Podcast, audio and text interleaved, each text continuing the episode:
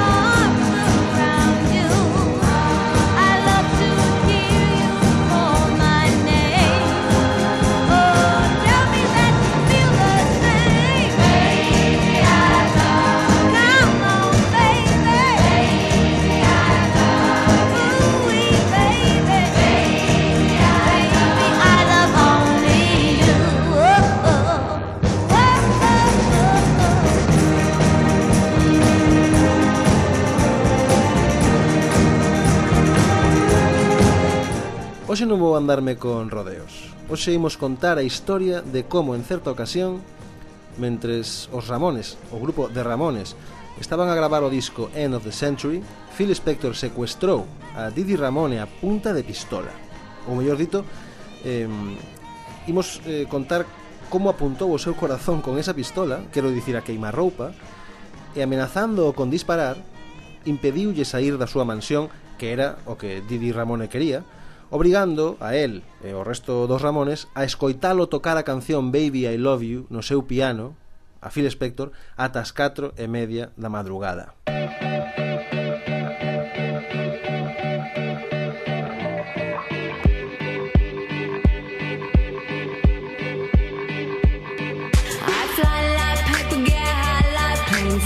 Por iso acabamos de abrir o programa con esa canción coa canción que Phil Spector lles obrigou a escoitar os Ramones aquel día ata as 4 e media da mañá se non querían que lles disparase.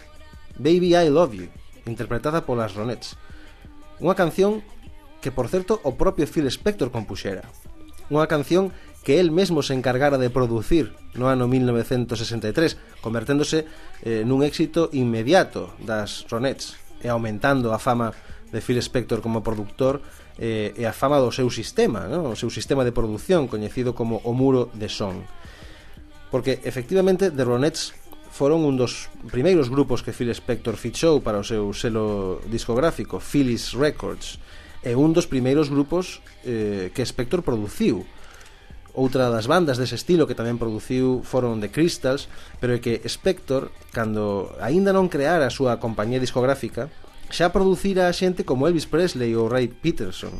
Ou seja, para que vos fagades unha idea do ben que lle ían as cousas, eh, dareivos un par de datos. Phil Spector montou o seu selo discográfico en 1961 cando tiña 22 anos e a esas alturas da súa aínda eh, curta vida xa gañara eh, un millón de dólares como productor.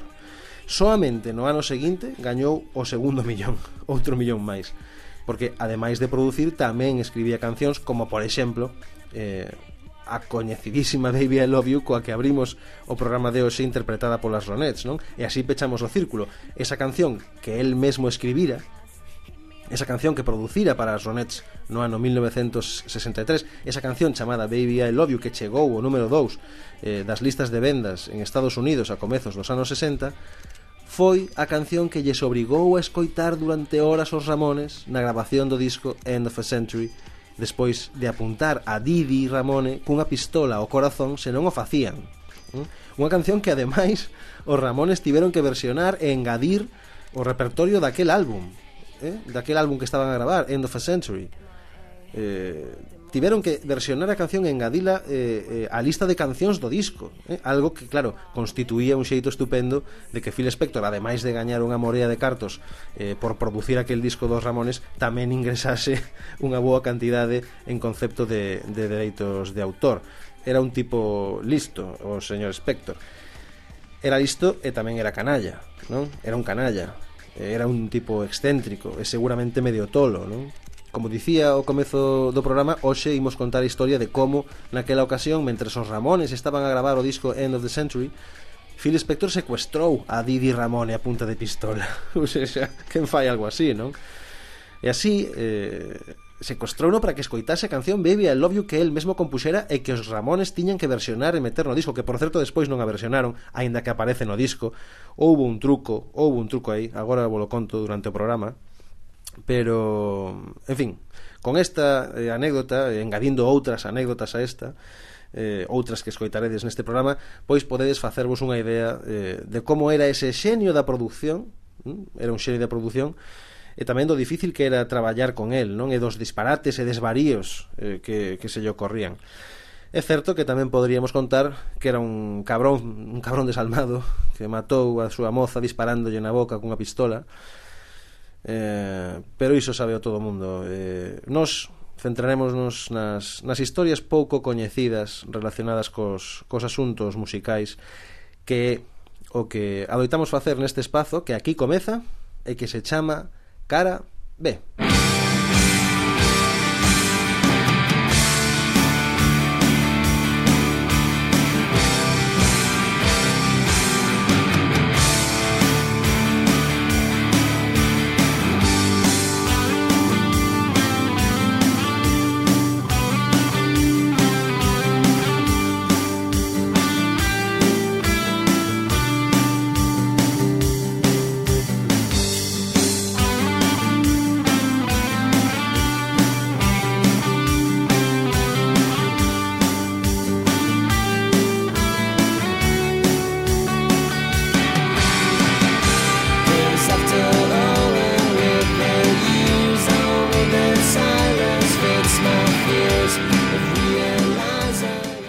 primeiro que me chama a atención do, do universo Phil Spector é que, eh, a pesar de que foi produtor, como dicía antes, das Crystals, eh, das Ronettes, de Elvis, tamén dos Righthouse Brothers, tamén de Tina Turner, de Leonard Cohen, co que eh, coescribiu un disco, ou o produtor dos Ramones, entre moitísimos outros, eh, chamame moita atención que cando se fala del sempre parece reducirse todo o mesmo, non? eh, o feito de que Phil Spector foi o produtor do disco Let It Be dos Beatles. Eu entendo que a importancia histórica e a importancia musical dese disco é tremenda, non? Entendo que foi o tipo que lles cambiou o son os Beatles, cambioulles a súa forma de soar, non? E que produciu o seu derradeiro, o seu derradeiro disco, o, o último álbum que publicaron. Sí, o último álbum que publicaron, porque realmente non foi o, de, o derradeiro disco que gravaron. Iso tamén vos lo vou contar agora. Pero non sei, eh, chama a atención que se teña sempre en conta Phil Spector Parece que únicamente por ser o, o produtor do Let It Be Porque a carreira de Phil Spector é moito máis que ese disco, non? Moitísimo, moitísimo máis Se me permitides, como dicía, vou explicar primeiro brevemente o que pasou con, con ese álbum Que parece que é o único que lle deu sona a, a Phil Spector, non? O Let It Be eh, vou contar por que chamou tanto a atención da prensa, por que a produción dese disco pasou a historia e despois centrareime na anécdota principal que vos quería eh, contar hoxe, pero antes, como digo, eh, vou contar que aconteceu con ese disco que se chamou Let It Be, que se chamou Let It Be, que foi o último que, que publicaron os Beatles a pesar, como digo, de ser o penúltimo que gravaron, que foi o único eh, que lles produciu Phil Spector, que originalmente non se ia chamar Let It Be, senón Get Back, e que ademais contén unha das miñas cancións preferidas, preferidas, unha das miñas cancións favoritas de todos os tempos, que é esta, Across the Universe.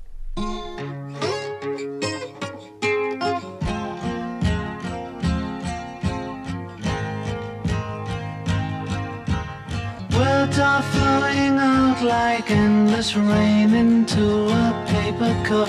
They slither wildly as they slip away across the universe. Pools of sorrow, waves of joy are drifting through my opened mind, possessing and caressing me. Nothing's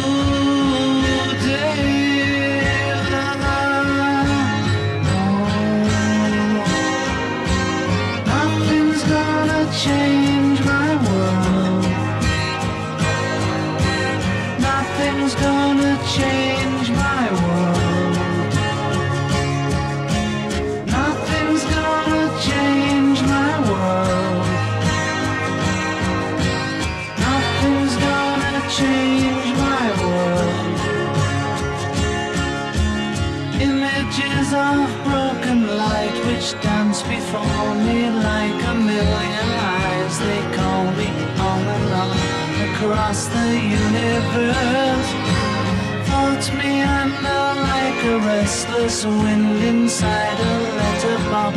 They tumble blindly as they make their way across the universe.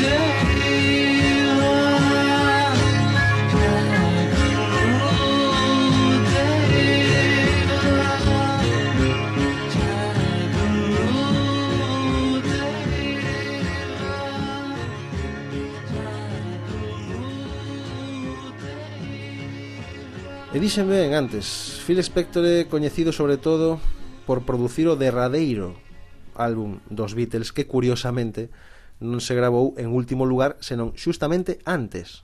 É dicir, o último disco que gravaron os de Liverpool foi o Abbey Road. Foi o último que gravaron.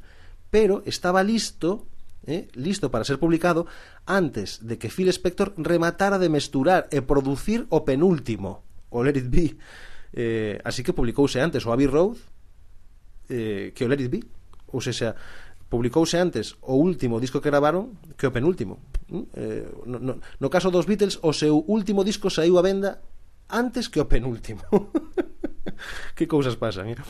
Realmente hai unha explicación un pouco máis complexa para, para esta anécdota tan curiosa, non? Hai todo un contexto de fondo eh, que explica por que o Abbey Road, a pesar de ser grabado en último lugar, eh, pois publicouse antes que, que o Let It Be, non? Que, que nin sequera, como dixen, eh, ia ser ese o seu nome, non? Non se ia chamar así, ia se chamar Get Back.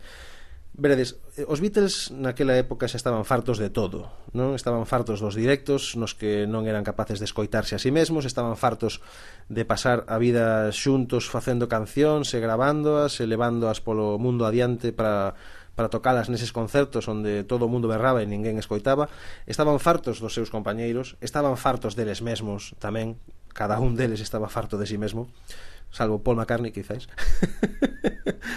eh, en fin, as tensións durante, durante a grabación do Sgt. Pepper's Lonely Hearts Club Band e do, e do álbum branco distanciaran moito os, me, os membros da banda, non? George e Ringo sentíanse moi pouco valorados, Lennon e McCartney estaban inmersos nesa eh, batalla persoal súa de egos Brian Epstein falecera en extrañas circunstancias, cousa que, que non axudou nada, deixou a banda mm, un tanto desamparada, non? Lembrade que era un pouco o pai eh, da banda e deles mesmos eh, e, e tamén os, estaba entraba en xogo o esgotamento de George Martin, do produtor George Martin a fronte daquel xardín de infancia que, que non era capaz de controlar, non? Entón, eh, de feito, George Martin eh, manda, eh, mandounos a paseo non, xa non quería saber nada máis deles mentes, mentes mantivesen aquela actitude entón a banda estaba a piques de romperse a piques de romperse así que para tentar evitalo para, in, para intentar recompoñer a paixón dos primeiros anos e eh, aqueles afectos mutuos entre os membros do grupo a Paul McCartney eh, ocorreuselle unha idea en que consistía? pois en que o que precisaban era desenvolver entre os catro un novo proxecto no que todos os catro tivesen a mesma importancia, non? E que cristalizase na publicación dun novo disco, pero mm, tiña que ser algo ilusionante, algo que os animara. Así que pensaron eh, que ese disco debería ir acompañado da grabación dun, docu dun documental e da celebración dun, dun concerto despois de, de tanto tempo sen facer concertos. Ou seja, aquel podría ser un novo punto de partida o inicio dunha segunda etapa dos Beatles. Tratábase mm, un pouco de arrincar de novo non? De esquecer todo o malo e comezar de cero. Había que publicar un disco e eh, eh, facer un documental que estivesen inspirados eh, por esta enerxía positiva e que se titulasen igual, claro, que formasen parte dun mesmo dun mesmo proxecto, dun conxunto e ia ser eh, precisamente unha canción a que ia dar título a toda esta idea. A canción Get Back. Claro, a canción Volver. Música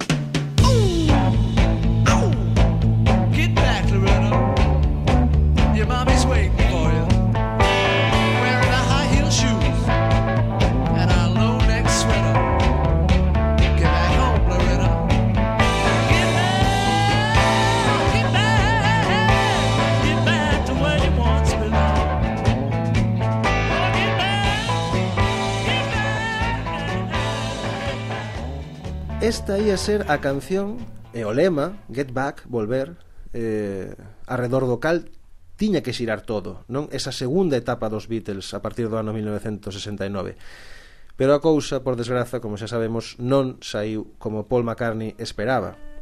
Eh, a composición e a grabación do álbum das cancións do álbum, quero dicir eh, tiña que ser o contido do, o contido audio, audiovisual do documental é dicir, nas imaxes tiñan que aparecer os Beatles escribindo, tocando e, e cantando as cancións inmersos nas sesións de grabación e así foi, non? E polo tanto o grupo eh, desprazouse en xaneiro do ano 1969 os estudios cinematográficos de Twickenham cun montón de cámaras e iluminadores e sonidistas para filmar todo o proceso, pero claro, aquilo superounos, non? Estaban afeitos a, a gravar eles sós nos, nos estudios EMI ata altas horas da madrugada, eh, tranquilos facendo o que lles daba gana, e claro, ali eh, non podían traballar o seu ritmo, cos seus métodos, sen que alguén dixese eh, en calquera momento que había que repetir unha toma ou comezar eh, outra vez con outra luz distinta, non? Aquilo era un caos e ademais as cousas ían a peor, a moito peor no plano persoal. Así que ao final decidiron eh, parchear a cousa. Incorporaron a banda o teclista Billy Preston. Aparece nos créditos do disco Pero nunca chegou a ser membro oficial de The Beatles En realidade. E tamén trasladaron a grabación do álbum ao estudio que o propio grupo tiña no edificio da súa empresa, en Apple Corps, na, na rúa Savile Row, en, en, en Londres. E foi ali mesmo onde fixeron o, o famosísimo concerto na, na azotea, o derradeiro eh, concerto de The Beatles no, no tellado precisamente dese edificio do edificio da, de Apple Corps a súa empresa pero claro, as cousas seguían seguían sen funcionar non entón Lennon eh, a ver, a situación era que Lennon estaba pasando unha fase de adicción ás drogas eh, e de desidia tremenda, non? E, e aquilo facía que, que non se interesase polo proxecto, non? E Harrison seguía descontento porque, claro, os seus temas non tiñan interese para McCartney e para Lennon, o, que, que era terrible porque despois eses, esas cancións eh, pasaron a formar parte de, do disco All Things Must Pass que é un discazo e foi o, o disco que máis vendeu dos primeiros discos que sacaron os Beatles en solitario foi o disco que máis copias vendeu ademais Yoko Ono non deixaba de intervir en aspectos propios da producción unha produción que ata entón eh, fora cousa de George Martin, non? Pero como antes vos comentaba, el decidira marchar, porque xa non aturaba tanta leria, non aturaba aquel xardín de infancia. De tal xeito que daquela mestura eh, da produción final daquelas, daquelas cancións que estaban a gravar que tiñen que compoñer o disco Get Back e ese encargar Phil Spector. Aquí é onde entra Phil Spector. Por que? porque eh, xa tiña moita sona en Estados Unidos e fora contratado polo novo manager do grupo que era Alan Klein precisamente o manager dos Rolling Stones non? Xa que Brian Epstein falecera eh, poucos meses atrás. Entón Alan Klein, o novo manager dos Beatles Mm, decidiu contratar a, a este Phil Spector para producir esas cancións que estaban a gravar e que tiñan que ser o disco Get Back. Pero como digo, as cousas non funcionaban, non funcionaban. Lennon estaba ao seu, Harrison estaba descontento, eh, así que Paul McCartney un pouco a desesperada para que as cousas non rematasen de, de romperse, e antes de que Phil Spector mm, pois acabase de mesturar e de masterizar o disco, que se ia chamar Get Back, pediulle a George Martin, Paul McCartney, que por favor eh, volvese gravar con eles, todos xuntos de novo, que por favor volvesen facer un álbum como antes, o seu último álbum, non? E George Martin preguntoulle a Paul McCartney se John estaba de acordo, se John Lennon estaba de acordo, e como a resposta foi que sí, pois fixérono. Pero, claro, terminaron antes que Phil Spector, curiosamente, non? Eh, en apenas uns meses terminaron de gravar o disco eh, publicarono. Era o Abbey Road. Ou seja, en teoría o Abbey Road tiña que ser o, o, o derradeiro disco dos Beatles, por eso Paul McCartney pediulle a George Martin que gravaran un último álbum como antes, non como os discos de antes, pero é que terminaron antes eh, que Phil Spector. Antes de, remataron antes eles con George Martin de, de gravar e producir o disco que tiña que ser o derradeiro, Abbey Road, do que Phil Spector estaba a tardar en rematar de producir o, o Get Back. Así que publicaron, publicaron antes o, o, o Abbey Road.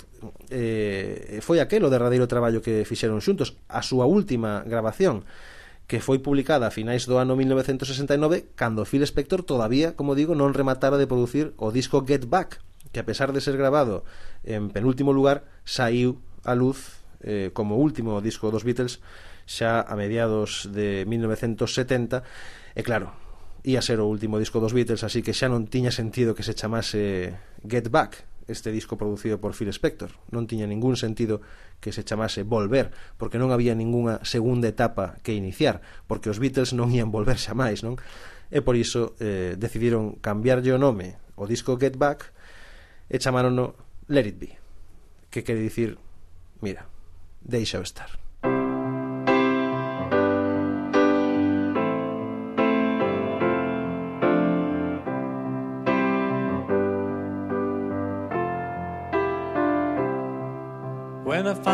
Myself in times of trouble, Mother Mary comes to me, speaking words of wisdom, let it be. And in my hour of darkness, she is standing right in front of me, speaking words of wisdom, let it be. Let it be,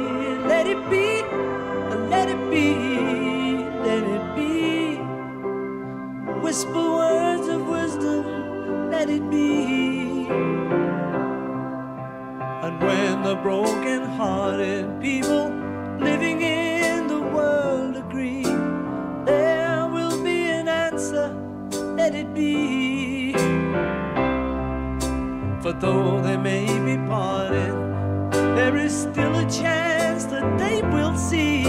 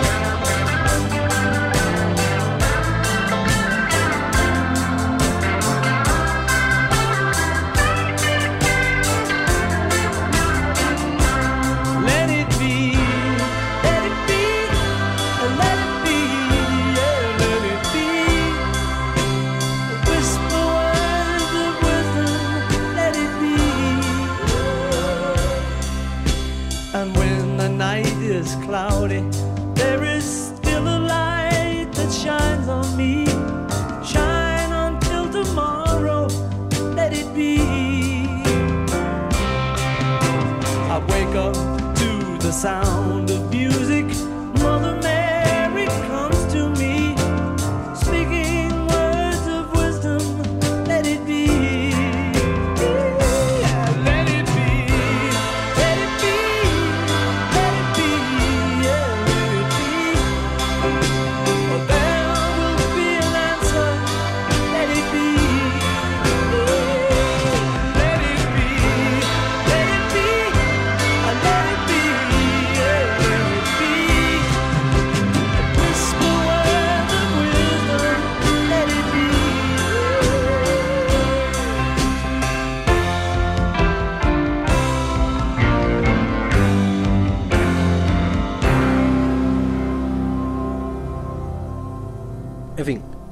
esta historia que vos acabo de contar antes de escoitar a magnífica canción Let It Be é o motivo polo que Phil Spector, a pesar de ter producido a tantas lendas do pop e o rock, sempre é mencionado como o produtor dos Beatles, non? Porque, claro, foi histórico que producira o derradeiro álbum que publicaron os Beatles o que pechaba a súa carreira musical como banda. Foi histórico que a súa participación fora unha excepción despois de ser George Martin eh, quen producira o resto dos seus discos e foi histórico que ese disco estivera pensado para ser un novo inicio dos Beatles, non? E que e que mm, pois paradoxicamente rematara sendo o seu final, non? Despois Phil Spector aínda produciría a George Harrison en solitario e tamén a, a John Lennon, pero tanto ten. Lembrarémolo sempre como produtor do, eh, do Let It Be. O que non podemos esquecer é que o tipo eh, estivo un ano, polo menos, mesturando as cancións que os Beatles gravaran para dar forma ao Get Back. Un ano enteiro, un ano enteiro mesturando. Se algunha vez estivestes nun estudio de grabación cun produtor ou cun enxeñeiro de sonido, eh, un ano enteiro é moitísimo mesturando calquera eh, volveríase tolo, non? Ou seja, o Abbey Road gravaron na primavera, na primavera e verán de 1969, en outono xa estaba na rúa.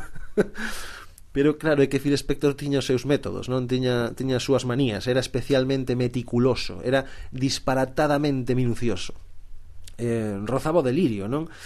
Eh, co seu traballo. Era a súa obsesión e por iso eh, cos Ramones as cousas acabaron daquel xeito e o grupo pois rematou perdendo a paciencia. Claro, todos menos menos Joey, todos menos Joey Ramone, o cantante que foi o único que se quedou ata o final das sesións de grabación do disco End of the Century, que é o disco do que estamos a falar hoxe, en concreto desta anécdota de como secuestrou a punta de pistola os Ramones, aínda que extendínme un pouco coa anécdota anterior. Eh, desculpade. Eh, estaba a dicir que Joey Ramone foi o único dos Ramones que se quedou ata o final das sesións eh, de, gra de grabación do disco End of the Century dos Ramones, porque o resto do grupo, é dicir, tanto Johnny como Didi como Marky Ramone marcharon, marcharon cando remataron de gravar os seus instrumentos, porque non querían saber nada máis de Phil Spector, porque non aturaban máis a Phil Spector, de feito, eh, houve unha canción, como vos dicía antes, que nin sequera gravaron eles. Ou seja, apareceu no disco, pero Johnny non tocou a guitarra, Didi non tocou o baixo e Marky non tocou a batería. Solamente Joey cantou a liña de voz.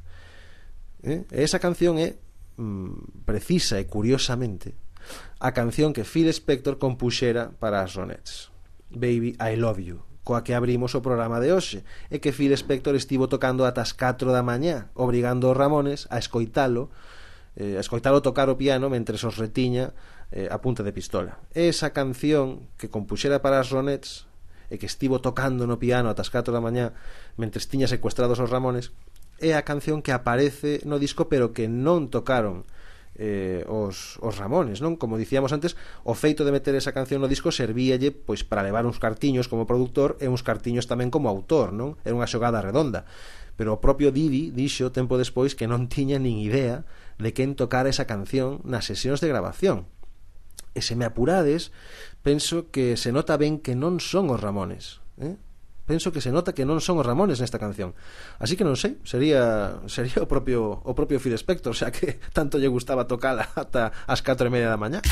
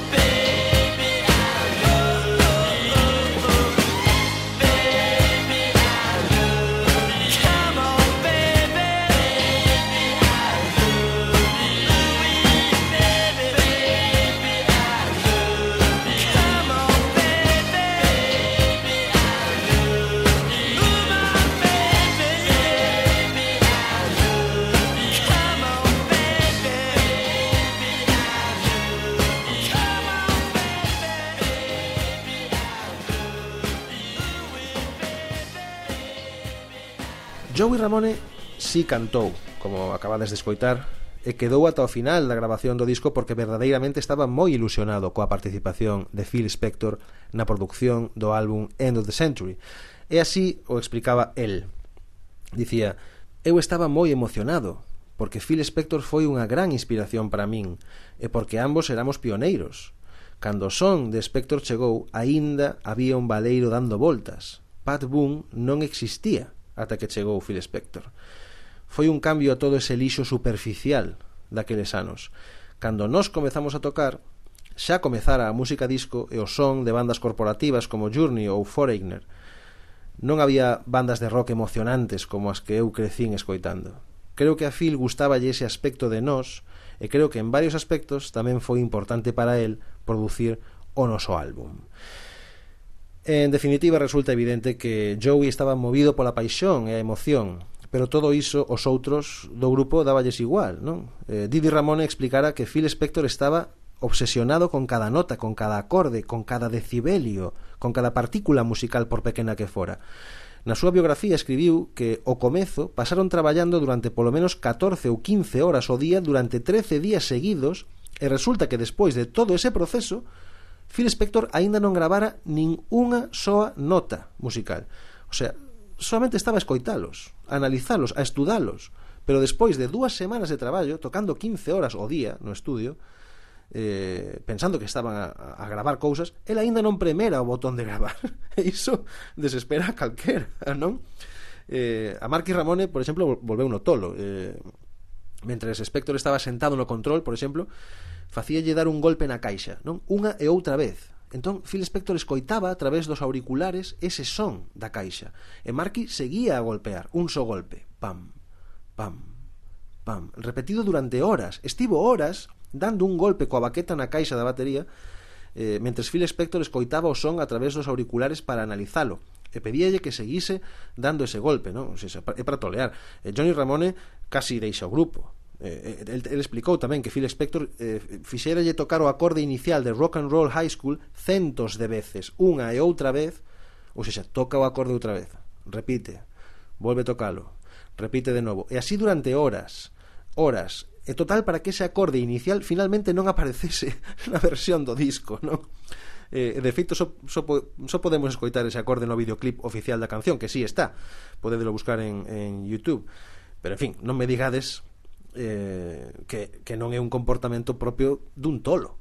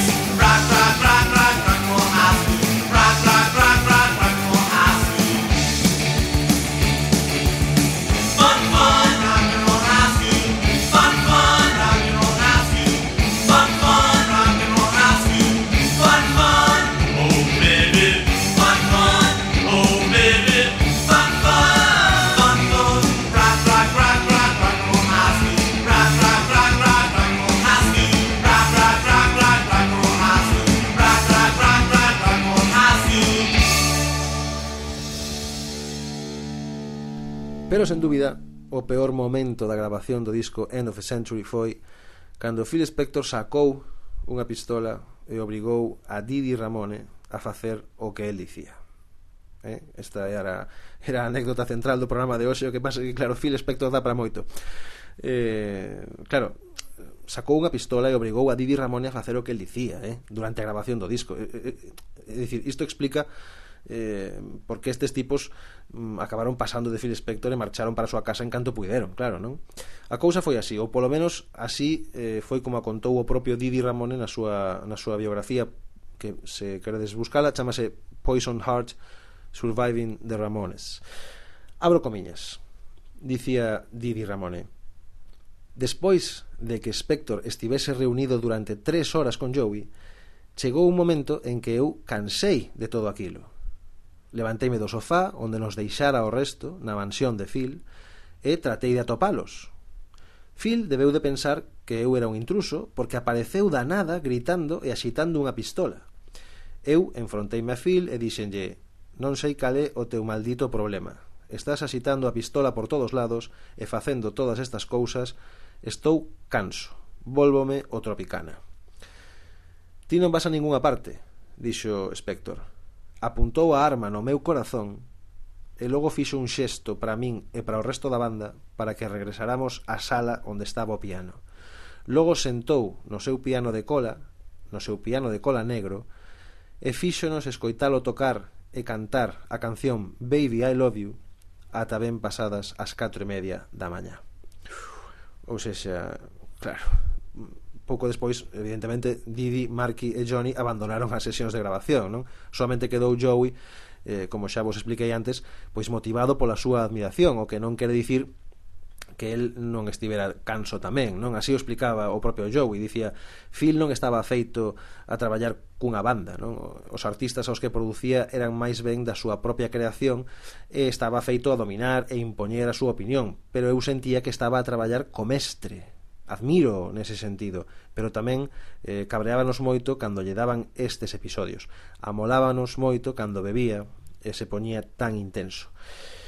Por sorte, eh, a pesar de todas estas cousas, ese disco, End of the Century, resultou ser un discazo eh, no que Mm, eh, honestamente, penso que sí se nota a pegada de Phil Spector como produtor o seu muro de son caracterizado polas moitas capas instrumentais que engadía na grabación e no que atopamos temazos eh, como este Do You Remember Rock and Roll Radio no que, poi, no que podedes escoitar ademais da guitarra, a batería e o baixo pois un piano, unha trompa, unha trompeta un saxo, non?